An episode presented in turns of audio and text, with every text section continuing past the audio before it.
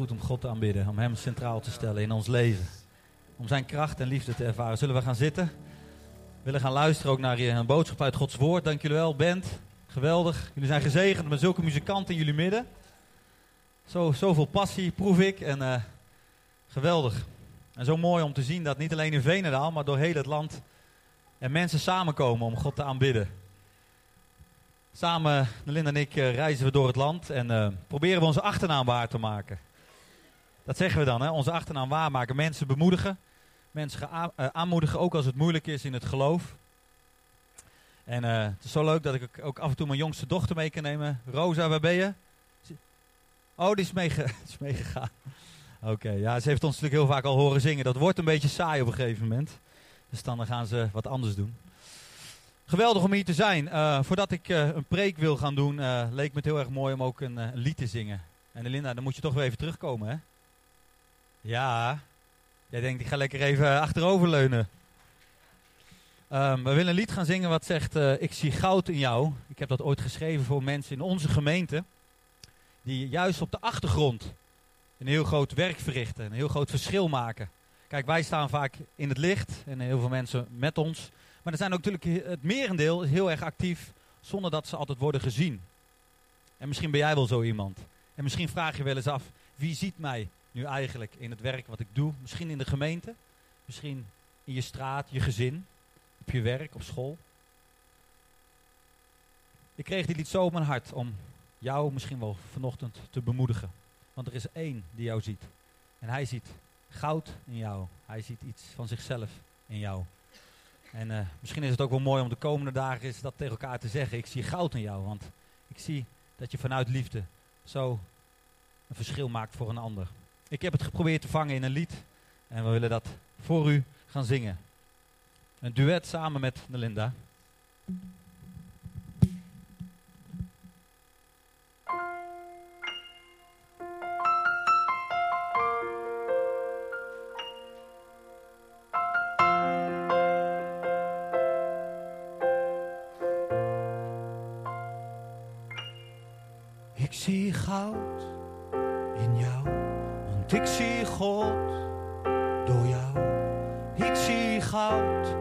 Jij bouwt op de rots. Ik zie jou gaan in Jezus' naam. Geruisloos in stilte verwarm jij de kilte om jou heen. Ik zie jou gaan, geduldig en trouw. Met vuur in jouw ogen, respect voor jou. Ik zie goud in jou, want ik zie God door jou. Ik zie goud,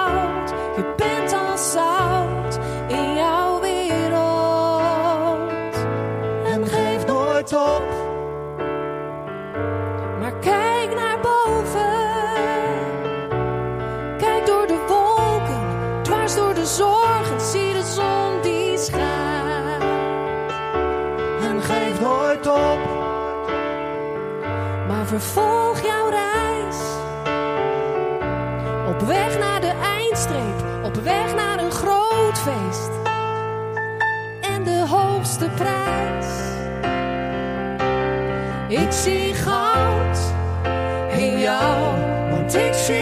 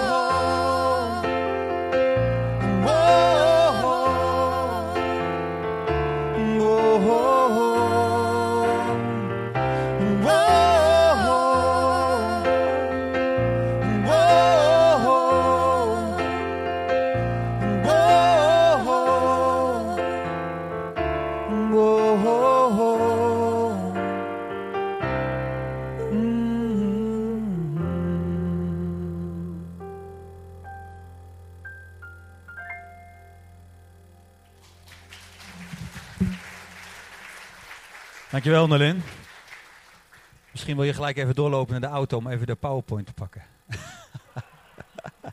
oh, het is me nog nooit overkomen, maar ik ben helemaal vergeten om een stikje af te leveren boven. Maar goed, ik kan ook wel preken zonder een PowerPoint. Maar misschien is het wel leuk om even nog een. eh, die heb jij. Ja, zo fijn als je een vrouw hebt hè, die je kan ondersteunen. En eh, soms de rommel eh, achter je kan opruimen. Nee, ik ben heel erg blij met Nelin. We zijn al 25 jaar samen.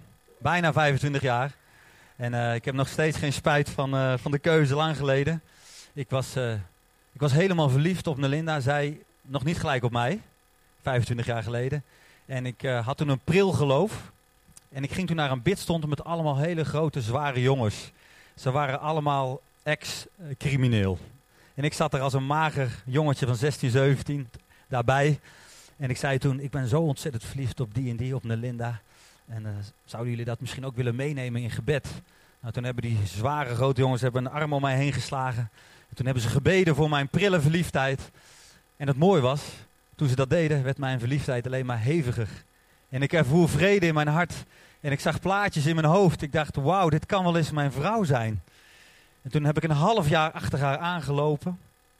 En ze bleef maar een beetje cool en afstandelijk. En uiteindelijk zei ze, ja, ik vind jou ook wel leuk. Na al die gebeden en al die drankjes die ik haar had aangeboden. En toen heb ik het spontaan uitgeroepen. Jij wordt mijn vrouw. Ik was 17, zij was 15. Zij schrok natuurlijk. Maar zo is het wel gegaan. Zij is uiteindelijk mijn vrouw geworden. En al 25 jaar zijn we samen. En we zijn eh, echt gelukkig. We hebben een zoon al van 16 jaar oud. Een voetballer.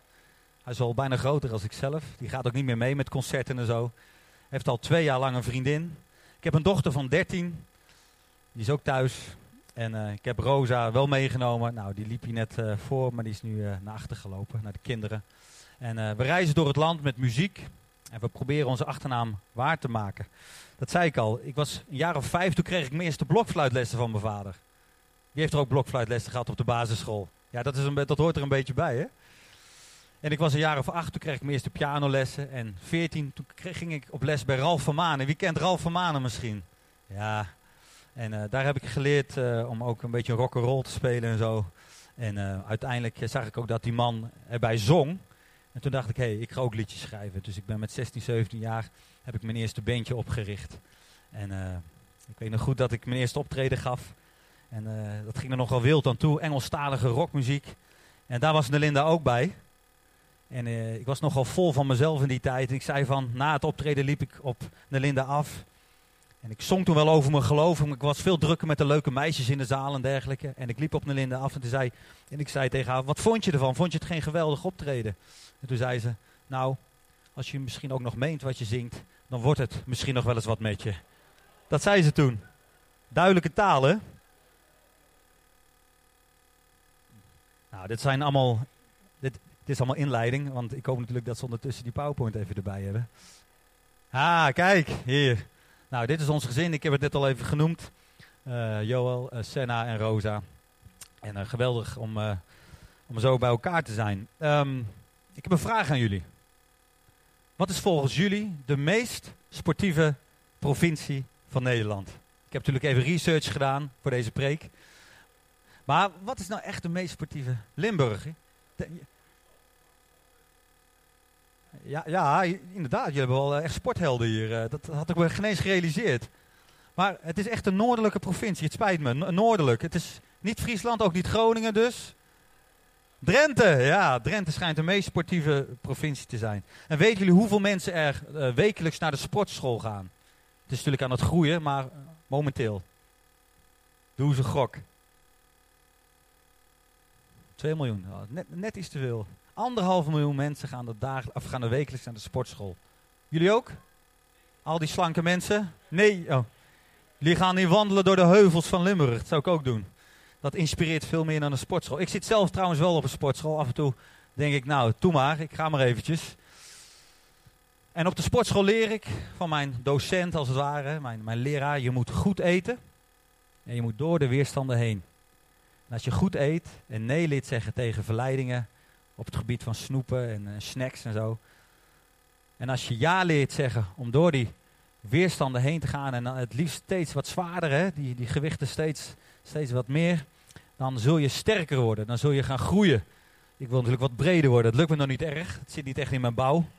De ander wil wat slanker worden. Ik wil wat breder worden. Maar als je sterk wil worden lichamelijk, dan moet je leren om nee te zeggen tegen verleidingen. En ja tegen die weerstanden. Nou, als we sterk willen worden in het geloof, dan geloof ik ook dat we moeten leren en mogen leren om nee te zeggen tegen verleidingen. En ja tegen beproevingen. Er valt natuurlijk heel veel meer over te noemen en te zeggen. Maar ik geloof dat dit al een hele mooie basis is. Ja tegen beproevingen en nee tegen verleidingen. En natuurlijk gaan we dan ook kijken wat de Bijbel erover zegt. En dan weet je wat ik zo mooi vind aan de Bijbel? Het is een heel inspirerend boek. Het is een ontzettend moeilijk boek ook, soms. Maar het is ook een heel eerlijk boek. Vinden jullie niet? De Bijbel is een eerlijk boek. De godsmannen en godsvrouwen, die worden, uh, die worden eerlijk beschreven. Hun fouten worden ook eerlijk beschreven. En we willen gaan kijken naar iemand uit de Bijbel die met vallen en opstaan leerde om nee te zeggen tegen verleidingen en ja tegen beproevingen. En we kunnen dan naar allerlei mensen kijken. Maar wie is deze man? Dit is Mozes die inderdaad in zijn leven leerde om sterk te worden in God. Om, om nee te zeggen tegen de verleidingen en ja tegen de beproevingen. Je kunt het leven van Mozes als het ware opdelen in driemaal 40 jaar. De eerste 40 jaar leefde hij onder de farao. Hij had alles wat zijn hart begeerde. Allerlei vrouwen, verleidingen, uh, scholing, allerlei eten. Nou, het was een van de grote wereldrijken in die tijd, Egypte. En Mozes groeide daarop. Hij werd gevonden in dat biezenmandje. We kennen dat verhaal. En hij leerde daarvan alles in Egypte. De eerste 40 jaar. Maar toen in zijn drift sloeg hij een Egyptenaar dood. Omdat hij bewogen was met zijn eigen volk. Hij kwam erachter dat hij natuurlijk een Jood was. En hij sloeg een Egyptenaar in zijn drift neer. Toen moest hij vluchten naar de woestijn. En werd daar van een driftig mens in die woestijnperiode omgevormd tot de meest zachtmoedige mens op aarde, zoals de Bijbel beschrijft.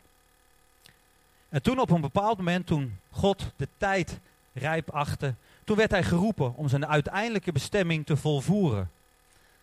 Hij kwam vanuit de woestijn en hij leidde het volk van Israël in de woestijn richting het beloofde land.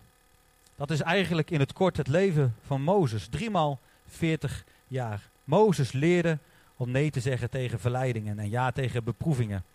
In, in het Bijbelboek Exodus kun je natuurlijk al die geschiedenissen lezen. Maar ook in een boek uit het Nieuwe Testament, Hebreeën, de volgende dia, lezen we iets over Mozes. Hij staat er opgezond bij die lange lijst van geloofsvoorbeelden, geloofshelden, geloofsgetuigen. Waarvan de schrijver van het boek Hebreeën zegt: Dit zijn voorbeelden voor ons. Voorbeelden in geloof, voorbeelden in volharding, voorbeelden in volhouden, ook als het moeilijk is. En over Mozes staat het volgende geschreven. Door hun geloof konden Mozes' ouders hem na zijn geboorte drie maanden verborgen houden. anders werd hij gepakt, want de jonge jongetjes werden vermoord in die tijd. Ze vonden hun kind erg mooi. Ja, dat vinden we allemaal. Ons eigen kind vinden we altijd erg mooi. En ze waren niet bang voor het bevel van de farao. Door zijn geloof weigerde Mozes, toen hij volwassen werd, aangespro aangesproken te worden als zoon van een dochter van de farao. Zijn identiteit lag ergens anders al in die tijd. Mooi om te lezen. Liever werd hij even slecht behandeld als het volk van God, dan dat hij vluchtig voordeel had bij de zonde. Zonde geeft altijd wel een bepaald voordeel, lijkt, maar het is een vluchtig voordeel. Het verdampt en het is zo weer verdwenen. En je blijft met de brokstukken achter. En waarom kon hij dat doen? Omdat hij uitzag naar de beloning. En daarom waardeerde hij de smaad van Christus hoger dan de schatten van Egypte. Mozes als een, als, een, als een voorbeeld hoe we sterk kunnen worden in God. Hoe we nee kunnen leren zeggen tegen verleidingen en ja tegen beproevingen. We willen daar wat langer bij stilstaan. En misschien denk je als je dit soort verhalen hoort over de Bijbel, over inspirerende figuren uit de Bijbel, dan denk je ja, het is, het is misschien aansprekend, maar als je mijn leven daarnaast legt, dan, dan verbleekt dat. Mijn leven is, is een vallen en opstaan achter Jezus aan. Ik voel me zo vaak nietig. Ik, ik, ik trap zo vaak wel in verleidingen. En ik vind het zo lastig om, om door die weerstanden heen te gaan, want ik voel me soms alleen. En ik vraag me soms af, God, waar bent u? Waarom grijpt u niet in? We willen rondom nee tegen verleidingen en ja tegen beproevingen willen we stilstaan bij een aantal praktische handvaten die ons kunnen helpen om inderdaad sterk te worden in God. Allereerst de verleidingen. Ik had het trouwens net over, over drift. Hè? Mozes was een driftig mens. Daar moest hij mee afrekenen. Misschien wel een van zijn verleidingen, een van zijn beproevingen. Durven jullie eerlijk te vooruitkomen? Zijn jullie ook wel eens driftig of niet? Ik had er in mijn jonge jaren met name behoorlijk last van. Ik uh, was nogal jaloers aangelegd. Ik vertelde net dat ik helemaal verliefd was op Nelinda. Ik was een jaar of 17, 18. Om even een zijspoortje te nemen over, over drift en jaloezie. En ik weet nog goed dat we vaak uitgingen in Venendaal. En ik was een jaar of 17, zij was een jaar of 15 of 18 of 16.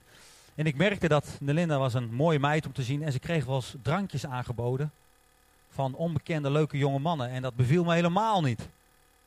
Dat maakte me nogal jaloers. En als ik er nu over nadenk, dan lag onder dat jaloerse gevoel eigenlijk een gevoel van minderwaardigheid. En ik kropte dat gevoel van minderwaardigheid en van, van jaloezie dan op. Maar als we dan thuis waren in het ouderlijk huis van de Linda, dan barstte vaak de bom.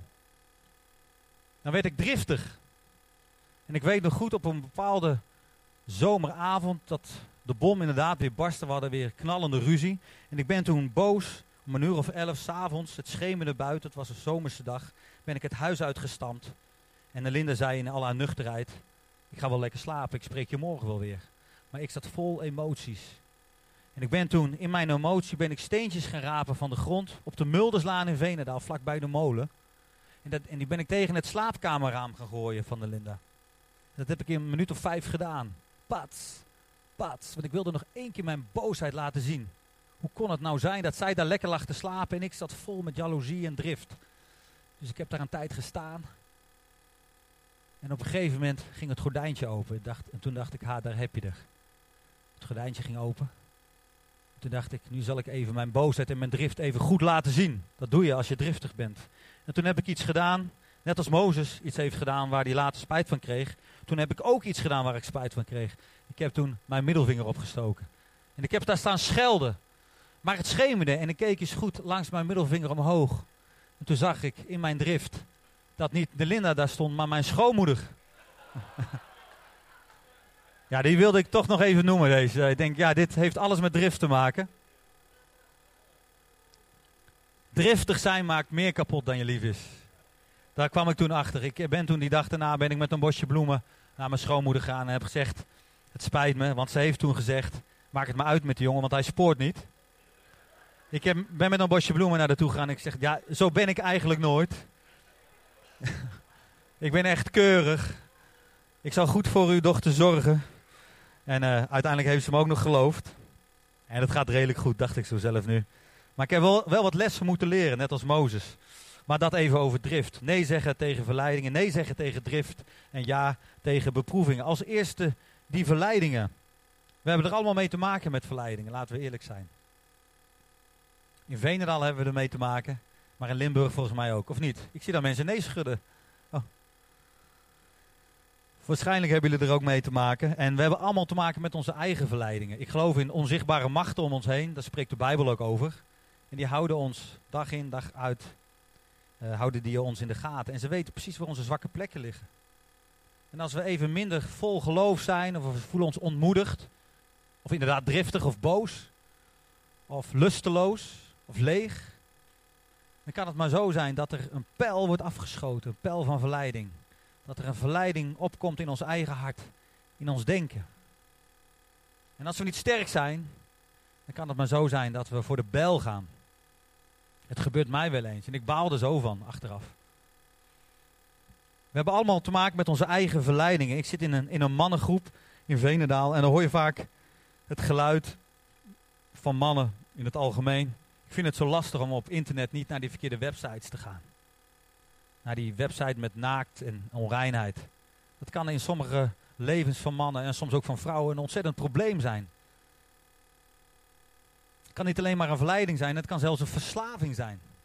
Je kunt er helemaal verstrikt in raken. En dat kan eigenlijk je relaties met God, maar ook met je, met je, met je vrouw of met, met anderen, kan dat zo verstoren. Ik kan ervan getuigen dat het zo bevrijdend is om een man of een vrouw te zijn zonder, zonder geheimen. Om die dingen in het licht te brengen bij de juiste mensen, bij God. In de wetenschap dat God is zoals in Lucas 15 staat beschreven, een wachtende vader. Die wat we ook gedaan hebben, op ons wacht en ons wil vernieuwen. Ons wil verfrissen, ons weer kracht wil geven. En ons uitnodigt om dicht bij Hem te zijn. In zijn huis. Zodat we alles vinden wat we nodig hebben. Zodat zelfs dat soort verleidingen zullen wegschrompelen.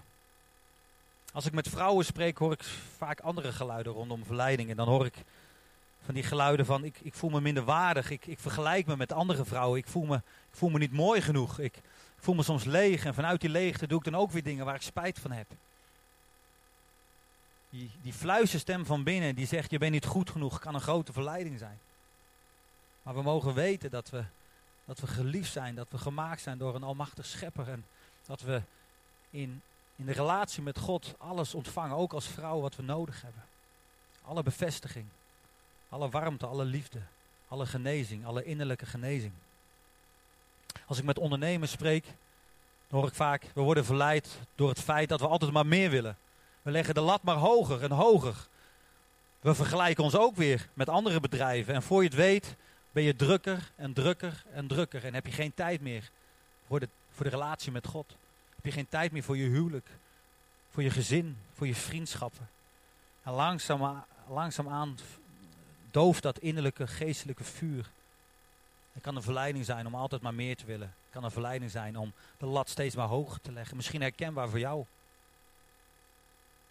Hoe gaan we om met verleidingen? En wat is jouw verleiding? Waar worstel jij mee? Wees eens eerlijk naar jezelf. Een aantal jaren geleden hoorde ik een verhaal wat mij hielp om in mijn eigen leven om te gaan met verleidingen.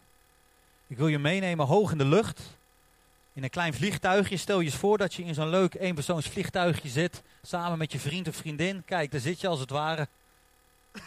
en je vliegt over Zuid-Limburg, stel je eens voor. Het mooiste gebied van Nederland, toch? Ja, die prachtige heuvels. Maastricht, Valkenburg, ik kom er ook graag hoor. Maar stel je eens voor dat je erover zweeft en je geniet van de zon en je geniet van het uitzicht. Maar op een gegeven moment kom je erachter dat voor je in het kleine vliegtuigje een grote zwarte rat zit te knagen aan de snoeren van je vliegtuigje. Zo'n vieze zwarte rat met zo'n lange staart ook nog eens.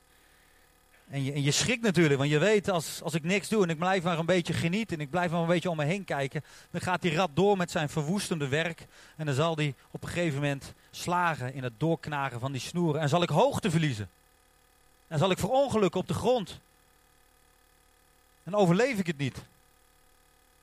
Je staat voor een duivels dilemma zou je kunnen zeggen, want je weet ook als ik achter die rat aan ga vliegen en aan ga vangen, en ik, en ik raap alle moed bij elkaar en ik, en ik pak hem en ik draai hem even zijn nek om, dan, dan verlies ik ook hoogte. Want dan laat ik mijn stuur los en zal ik ook verongelukken.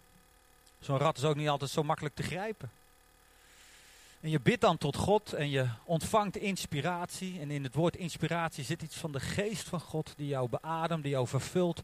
En je komt op het idee om je stuurtje naar je toe te brengen en steeds hoger en hoger te vliegen hoger op een plek waar de lucht zo ijl is, zo zuurstofarm, dat die rat bewusteloos neergaat. En jij kunt daar je zuurstofmasker op zetten. Want dat hoort hè, bij, je, bij je uitrusting. Dicht bij de, de warmte van Gods liefde, dicht bij de zon, maar ook op een plek waar die verschillende ratten misschien wel in jouw leven bewusteloos neergaan. En misschien vraag je af, hoe kun je je vliegtuigje dan zo hoog brengen? Want dit is, dit is natuurlijk een metafoor, een voorbeeld dit staat voor jouw geestelijk leven. Hoe kunnen we ons geestelijk leven tot op grote hoogte brengen? We weten dat het nodig is. Maar hoe doe je dat? Waarschijnlijk heb je wel een idee, maar wat is het goed om af en toe dat, dat soort dingen te herhalen. Allereerst wil ik jullie prijzen dat jullie hier zitten vanochtend. Ik zou bijna zeggen, geef een applaus aan jezelf, maar dat gaat misschien wat te ver. Maar wat is het goed om trouw de samenkomsten te bezoeken, om elkaar te ontmoeten, om te zingen, om te luisteren, om elkaar ook aan te moedigen in het geloof. Want ik geloof als we dat doen zoals we vanochtend doen, dat ons geestelijk leven, ons vliegtuigje hoger en hoger gaat. Dus ik wil je aansporen om niet te verzuimen, maar om gewoon die samenkomsten. En ik hoor over een tiendaagse hè, van vasten en gebed. Nou, ik was eigenlijk een beetje jaloers. Want eh, ik, ik, ik zou er ook heel veel zin in hebben. Gewoon tijd, intimiteit met God. Het gaat natuurlijk niet zozeer alleen om dat je niks eet, maar het gaat erom dat je intiem bent met de Heer. En dat je luistert naar zijn stem en dat je investeert in die relatie. En dat je dat met elkaar doet. Want vasten, ik doe het wel eens. Het lukt mij niet zo goed alleen. Ik vind het lastig. Het lukt me een halve dag en dan denk ik, ah, toch weer een broodje of zo, weet je wel. Maar als je het samen doet, kun je elkaar aanvuren om vol te houden. Dat bedoel ik met dat vliegtuigje hoger brengen. Ten tweede, hoe kun je je vliegtuigje hoog, eh, hoger brengen? Ik denk dat het woord van God, we hadden het er net al over, zo belangrijk is. Laten we eerlijk zijn, de media, de maatschappij, het zit bol van leugens. Omdat God niet overal in is. Heel veel zaken worden niet geregeerd door God in bepaalde opzichten, zou je kunnen zeggen. De, de mediawereld wordt niet geregeerd door God, maar door andere machten helaas. Nu nog wel. En daarom is het zo belangrijk om de waarheid van Gods woord tot ons te nemen, om daar regelmatig mee bezig te zijn. Want dan zullen die leugens in ons hoofd, in ons hart gaan wijken. De waarheid maakt vrij. En dan zal ons vliegtuigje, dan zal ons geestelijk leven ook hoger en hoger gaan. De Bijbel is een liefdesbrief, zeggen ze. En zo is het toch? Het staat vol met de liefde van God. En die liefde hebben we nodig. Die vinden we niet in de wereld. Die vinden we zelfs niet in die volmaakte zin bij elkaar. Maar die vinden we wel in de relatie met God. En God is te vinden in dat woord. Tot slot, hoe kunnen we ons vliegtuigje hoger brengen? Door elke dag vertrouwelijk met hem om te gaan. Om elke ochtend te zeggen, papa of heer, hier ben ik. Met mijn teleurstellingen, met mijn moeheid, met mijn bitterheid misschien. Of wel misschien met mijn mooie plannen en dromen. Maar hier ben ik en ik wil het graag delen met u. In Spreuken 3 staat het zo mooi toch? Betrek God in al je wegen. Dan maakt hij je paden recht. Laten we God betrekken in alles wat we doen. In ons bedrijf, in ons gezin, in ons huwelijk, in onze worstelingen, in onze eenzaamheid. Als we Hem betrekken, betekent niet dat het gelijk weg is. Dat kan, maar in mijn geval is het niet altijd gelijk weg. Maar Hij gaat onze wegen recht maken. Hij gaat ons leiden. Hij gaat voor ons uit. En dingen zullen gaan veranderen. Dat over verleidingen. Breng je vliegtuig tot op grote hoogte. Hebben we daar al zin in? Tien dagen vasten en bidden. Ik ben echt jaloers op jullie. Ik denk dat jullie allemaal gaan komen nu, of niet? Yes. Nou, dit is even over de verleidingen. Nee zeggen tegen verleidingen. Het tweede was ja zeggen tegen beproevingen. Ook, ook niet echt makkelijk natuurlijk.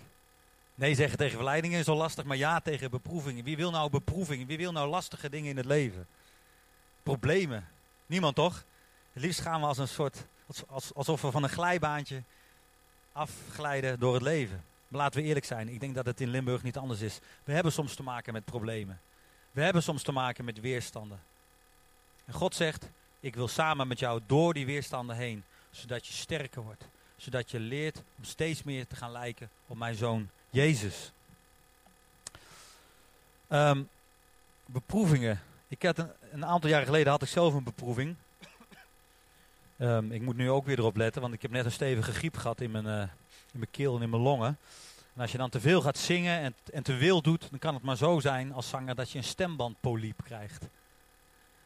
Ik heb het wel eens gehoord bij Jan uh, Smit ooit. Jan Smit, die mocht een jaar lang niks doen. Maar op een gegeven moment had ik er zelf een.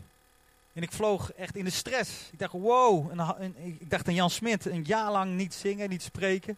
Het is natuurlijk al echt een beproeving op elke verjaardag die je bezoekt. Want je zit in een hoekje te schrijven.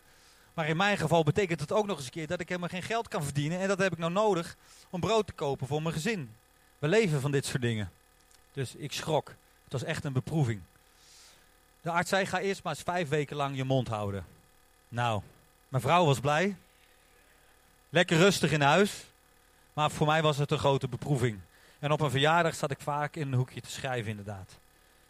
En ik baalde en ik was boos en we hadden op een gegeven moment ook nog een reisje gemaakt naar, het, naar, Zuid-Europa. En ik scheen toen niet echt de leukste, leukste man en vader te zijn. Ik, was, ik zat helemaal in de stress. En ik, en ik kon me niet uit. Ik mocht dus niet praten. En als ik praatte, dan hoorde zo'n heel raspend, uh, naschor geluidje uit mijn keel komen. En ik denk, oh, oh, oh, dit gaat helemaal niet goed komen. Ik ga maar een ander vak leren. Als het al lukt. Maar ik leerde om in die tijd van beproeving te wandelen met God. Ik heb lange wandelingen gemaakt. Ik hield mijn mond. Ik liep. En ik luisterde naar wat God mij wilde zeggen. En ik moet heel eerlijk zeggen dat in die tijd van zwijgzaamheid van mijn kant, dat God des te meer sprak. Hij vond uiteindelijk de ruimte om tot mijn hart te spreken.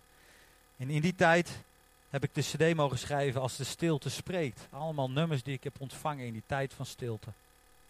En ik heb achteraf kunnen zeggen, het was een gezegende tijd. God heeft mij weer nieuwe dingen geleerd in die tijd van beproeving. En ik heb mogen leren om afhankelijk te zijn van Hem. En dit klinkt allemaal mooi. En misschien zit jij je wel met, met beproevingen en snap je er helemaal niks van. Je hebt geen antwoorden in die beproeving. Je bent dat wachten in die woestijn zo beu.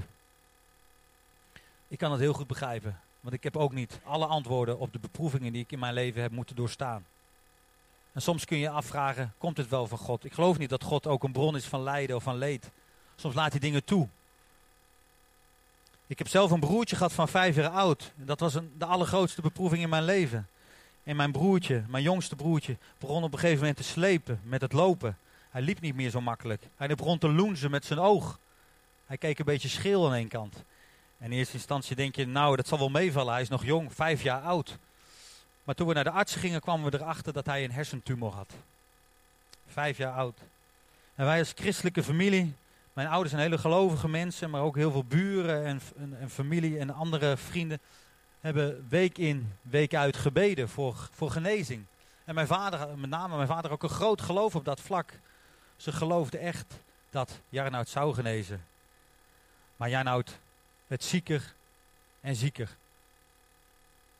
En dat was best wel heftig om te zien. Hij werd magerder en magerder. En ik was zelf een jaar of vijftien. En ik begreep helemaal niets meer van God op dat moment. Ik begreep helemaal niets van die beproeving in mijn leven in die tijd. En ik was eigenlijk boos op God. Misschien heb je dat ook wel eens gehad, of heb je dat nu? Dat je boos bent op God, omdat je afvraagt waarom grijpt u niet in? Nou, mijn broertje werd zieker en zieker. En in die tijd kreeg mijn moeder een droom.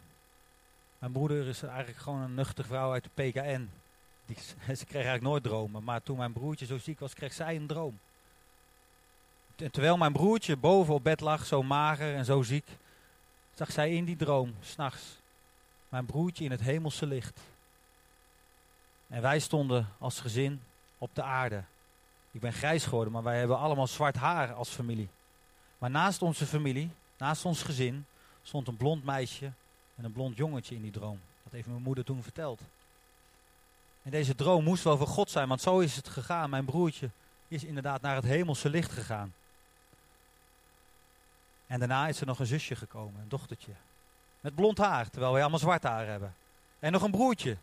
En ik zie ze zo staan, tenminste ik niet, mijn, moeder zag ze zo staan. Zo gearmd, een lang blond meisje met een iets kleiner blond jongetje.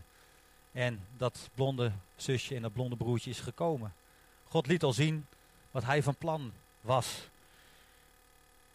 En neemt dat het verdriet helemaal weg? Nee. Maar het laat wel iets zien van, van God die alles in zijn handen heeft. Dwars door de pijn, dwars door het lijden heen. Ik vond het zo ontzettend moeilijk om, om die confrontatie toen aan te gaan met dat verdriet toen mijn broertje eenmaal was overleden. En het was pas toen ik 18 jaar oud was dat ik naar de begraafplaats ben geweest. Ik ben op de fiets gegaan en ik ben daarheen gefietst. En ik heb daar gezocht naar het graf van mijn broertje. Ik heb daar gelopen langs al die graven. En op een gegeven moment vond ik het graf en las ik de naam van mijn broertje, Jarnoud. En daaronder de tekst, in de schaduw van uw vleugels wil ik schuilen. Dat was het lied wat hij zong toen hij zo ziek was. Want hij wilde graag naar Jezus toe, dat vertelde hij ons. En toen ik daar zo stond met al mijn boosheid en verdriet, al, dat, al die emoties die ik ver weg had gestopt, toen was het net of God mij aanraakte en zei, jouw broertje ligt hier niet. Jouw broertje is bij mij thuis in de hemel en ik zorg voor hem. En het was net of dat, dat diepe verdriet en die boosheid in één keer werd verbroken. Alsof ik iets van hoop ervoer op dat moment. En ik mocht hoop ervaren. En de tranen die nog een minuut daarvoor over mijn wang, wangen biggelden, die droogden als het ware op in de zon. Dat vond ik zo'n mooi beeld. De zon van Gods liefde wil onze tranen laten opdrogen. Hij wil hoop en genezing, innerlijke genezing geven, soms ook fysieke genezing. De dood is niet het einde, zong ik ooit. De dood is een gordijn. Daarachter straalt het leven, waar we altijd samen zijn. Ik wil een lied gaan zingen wat gaat aan de ene kant over dat gevoel van gebrokenheid en boosheid. En aan de andere kant het geloof en de hoop die we mogen hebben in Jezus Christus. Hij is de opgestane Heer. En dat lied wil ik nu gaan zingen.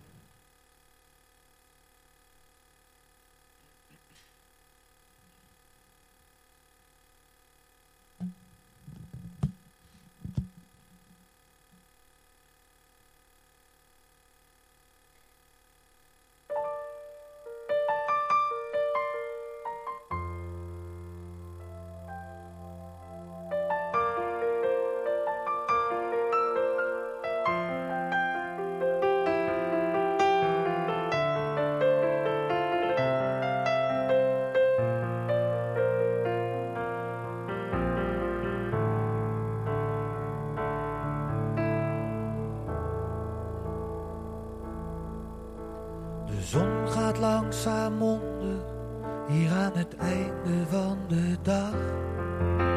Ik zoek alweer een tijdje naar het plekje van jouw graf. En ik heb het lang vermeden, want het is al lang geleden dat ik hier ben geweest. Zo dicht bij mijn verdriet, het doet pijn als ik de steen met jouw naam erop zie staan. Het gemis is door de jaren nog lang niet weggegaan. Waar moet ik nu schuilen? Oh, als een kind sta ik te huilen.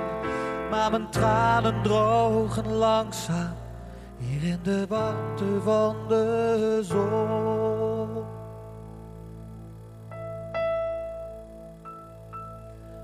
Bent thuis, je hebt een plekje in de hemel. En je vliegt met de vleugels van de tijd.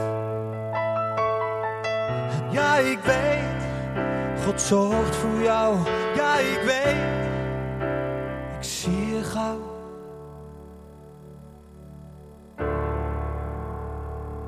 Want ik ga naar huis.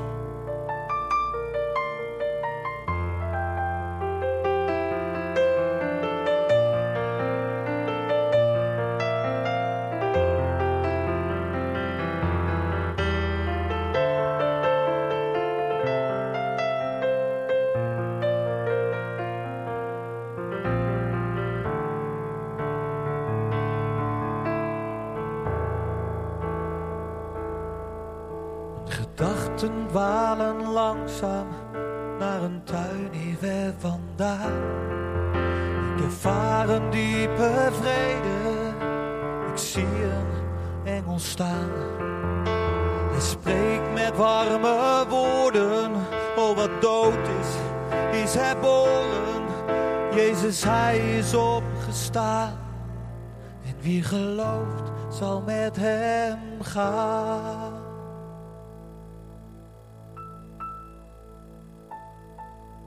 Je bent thuis, je hebt een plekje in de hemel. En je vliegt met de vleugels van de tijd. En ja, ik weet, God zorgt voor jou. Ja, ik weet, ik zie je gaan.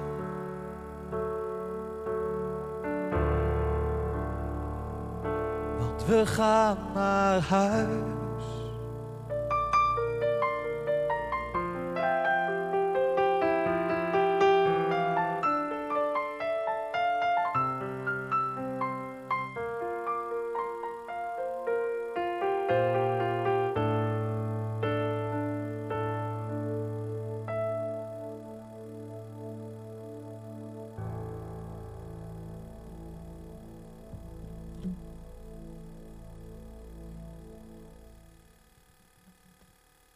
Hopelijk een bemoedigend lied voor jou als je ook iemand moet missen. Als het heel veel losmaakt bij je. En dat je mag weten dat we in Jezus voor eeuwig zullen leven. Paulus zegt het zo mooi, hè? de zichtbare dingen zijn tijdelijk, maar de onzichtbare dingen zijn eeuwig, voor altijd. Ik geloof als we voor God komen te staan ooit, net zoals mijn broertje nu voor God staat, dat hij twee vragen zal stellen. Wat heb je gedaan met mijn zoon? Heb je in hem geloofd? Heb je op hem vertrouwd? Ben je navolger geweest van Jezus? En, wat heb je eh, en de tweede vraag is, wat heb je gedaan met je, met je tijd, met je middelen, met al je mogelijkheden? Heb je het voor jezelf gebruikt of heb je het ingezet voor mij, voor mijn rijk, voor mijn zaak? Zulke indringende en belangrijke vragen. We gaan naar huis. Dat is een mooie, bemoedigende gedachte. Voor eeuwig dicht bij Jezus in zijn licht. Golven van vergeving, golven van genezing, golven van warmte zullen door ons heen gaan. Op die plek, dicht bij Jezus. We hebben het over sterk worden in God, want we staan nog midden in de gebrokenheid. En als we een verschil willen maken, als we mensen willen bereiken met het goede nieuws, als we me- mensen willen bereiken met Gods liefde, dan mogen we leren om te, op te groeien, om sterk te worden in Hem. Door nee te zeggen tegen verleidingen en ja tegen beproevingen. We, we zijn nu bij beproevingen. En soms vraag je je inderdaad af, waarom beproeft God ons? Nou, er zijn heel veel vragen. Waarom moest mijn broertje zo lijden? Ik weet het nog steeds niet helemaal precies. Maar de Bijbel zegt wel iets over het waarom van beproevingen. God beproeft ons om te ontdekken wat er in ons hart is. In Deuteronomium 8 vers 2 staat, denk aan de tocht die de Heer uw God u door de woestijn heeft laten maken, 40 jaar lang. Hij wilde u zijn macht laten voelen en u op de proef stellen om te ontdekken wat er in uw hart leefde. Gehoorzaamheid aan zijn geboden of niet. Als we altijd de wind in de rug hebben, dan komt er niet daadwerkelijk uit wat er in ons hart is. Maar als het moeilijk is, als er stress komt, als er weerstanden komen, als de druk wordt ervaren, dan schrikken we ook wel eens van, van datgene wat er in ons hart leeft. Maar ook daar wil God samen met ons mee afrekenen. De volgende. God beproeft ons omdat ons vertrouwen in God zal groeien. In een Nieuw-Testamentisch boek staat in Jacobus 1 staat: Het moet u tot grote blijdschap stemmen, broers en zussen, als u allerlei beproevingen ondergaat. Want u weet, wanneer uw geloof op de proef wordt gesteld, dat dat leidt tot standvastigheid. Als die standvastigheid ook daadwerkelijk blijkt, zult u volmaakt en volkomen zijn, zonder enige tekortkoming. Soms vraag je wel eens af, soms ga je door fases en seizoenen van je leven. Je, ja, je vraagt God, doe ik dingen verkeerd? Zijn er zondes in mijn leven, bewuste zondes? En misschien moet je dan antwoorden, nee, ik, ik, ik weet niet precies wat ik verkeerd doe. En soms lijkt het alsof God ons door woestijnen leidt om ons gehoorzaamheid te leren, standvastigheid, zodat we sterk worden in Hem. We leren ook juist in die woestijnperiode te wachten op Hem en op te groeien. Ik wil afsluiten met die persoon die als geen ander heeft geleerd om, om nee te zeggen tegen verleidingen en ja tegen beproevingen. En ik wil terug naar die brief aan de Hebreeën. Een brief geschreven aan, aan Joodse gelovigen. En deze Joodse gelovigen die werden op het hart gedrukt dat er één iemand groter en hoger is dan Mozes. En Mozes is die grote profeet voor het Jodendom. We hebben het net over hem gehad. Mozes is zo belangrijk voor de Joden. Maar er is één iemand, zegt de, He- zegt de Hebreeënbrief, die daar nog ver bovenuit gaat. Ook boven de wet, ook boven Aaron, ook boven de engelen. En die persoon is Jezus. Hij is degene die als geen ander heeft geleerd om nee te zeggen tegen verleidingen. De laatste dia hoor. Om nee te zeggen tegen verleidingen en ja tegen beproevingen. Hij ging de grootste beproeving in. Hij leerde om die beker van gramschap, die beker van de boosheid van God tot de laatste druppel leeg te drinken. Uit liefde voor jou. En hij schreeuwde het uit, mijn God, mijn God, waarom heeft u mij verlaten? Hij ging als het ware dat dal, die hel zo diep in. Om ons te verlossen, om ons te bevrijden. De laatste dia? Oh. Ehm, en dat is zo ontzettend bijzonder. In, Hebreeën, in de brief aan de Hebreeën stond het al zo mooi beschreven en het werd al gelezen door Stefan. Dat we onze ogen gericht mogen houden op Jezus. Want Hij is het begin en het einde van ons geloof. Hij riep het uiteindelijk uit. Het is volbracht. Het is volbracht voor jou en voor mij. Hij wil ons leren om sterk te worden in God. Sterk zodat we sterk kunnen zijn voor onze medemens. Zodat we in liefde die ander kunnen bereiken. Ik wil een moment van stilte inlassen. Zullen we nadenken over wat ik heb gezegd. Misschien ben jij iemand die door zo'n gevoel van gemis moet gaan. Je mist iemand. Misschien worstel je wel met verleiding. Met die geheimen, met die verslaving. En misschien zit je wel in een woestijn, in een woestijn van beproeving. We mogen weten dat in elke beproeving een beloning ligt, een belofte. De belofte dat God heel dichtbij wil zijn. Zullen we een moment stil zijn en dan zal ik afsluiten in gebed en dan kan de band ook naar voren komen op dit moment. Ja, Vader in de hemel, wil u zo danken, Heer, voor dit moment. En ik wil de Heilige Geest op dit moment ook uitnodigen. Heer, we hebben, we hebben veel dingen aangeraakt. We hebben het gehad over het feit dat mijn broertje er niet meer is hier op aarde. En misschien maakt het wel van alles los bij, bij jou, bij u. Misschien mis jij wel iemand. Misschien ga je wel door zo'n zo'n seizoen van, van diep gemis. En ik bid zo dat de Heilige Geest op dit moment je hart zal vervullen. Dat je zult ervaren dat je niet alleen bent, maar dat, dat Jezus als het ware naast je zit en jouw verdriet ook met je wil dragen. Misschien ben je wel die, die man of vrouw die zegt, ja, ik ben, ik ben iemand met geheimen. Ik loop met een donker geheim. En ik verlang zo naar vrijheid. En ik bid zo dat jij het, de, de moed zult ontvangen op dit moment door de kracht van de Heilige Geest om, om een man of vrouw te, te worden zonder een geheim. Dat je die geheimen in het licht brengt bij God en bij de juiste mensen. En dat dat de eerste stappen mogen zijn naar, naar, naar werkelijke bevrijding. Heer, maak ons vrije mensen, Heer, zodat we zullen stralen voor U. Zodat we niet meer met lasten en met ballast rondlopen, maar dat we het mogen neerleggen bij het kruis van Golgotha. Heer, want U heeft het inderdaad uitgeschreeuwd. Het is volbracht. Heer, we mogen tot rust komen bij U. We mogen het ontvangen dicht bij U. En misschien ben jij wel degene die door een beproeving gaat. Je mag geloven dat in die beproeving een belofte ligt, een beloning. Als we samen met God door die beproevingen heen gaan, dan mogen we weten dat we er sterker uit zullen komen. Dat we meer zullen, meer zullen lijken op uw zoon Jezus. En ik wil jou bemoedigen om vol te houden, om je ogen gericht te houden op Jezus. Hij weet als geen ander waar je doorheen gaat. Klamp je vast aan Hem. Stort je hart uit bij Hem. Zo zegenen we elkaar in de machtige naam van Jezus. Amen.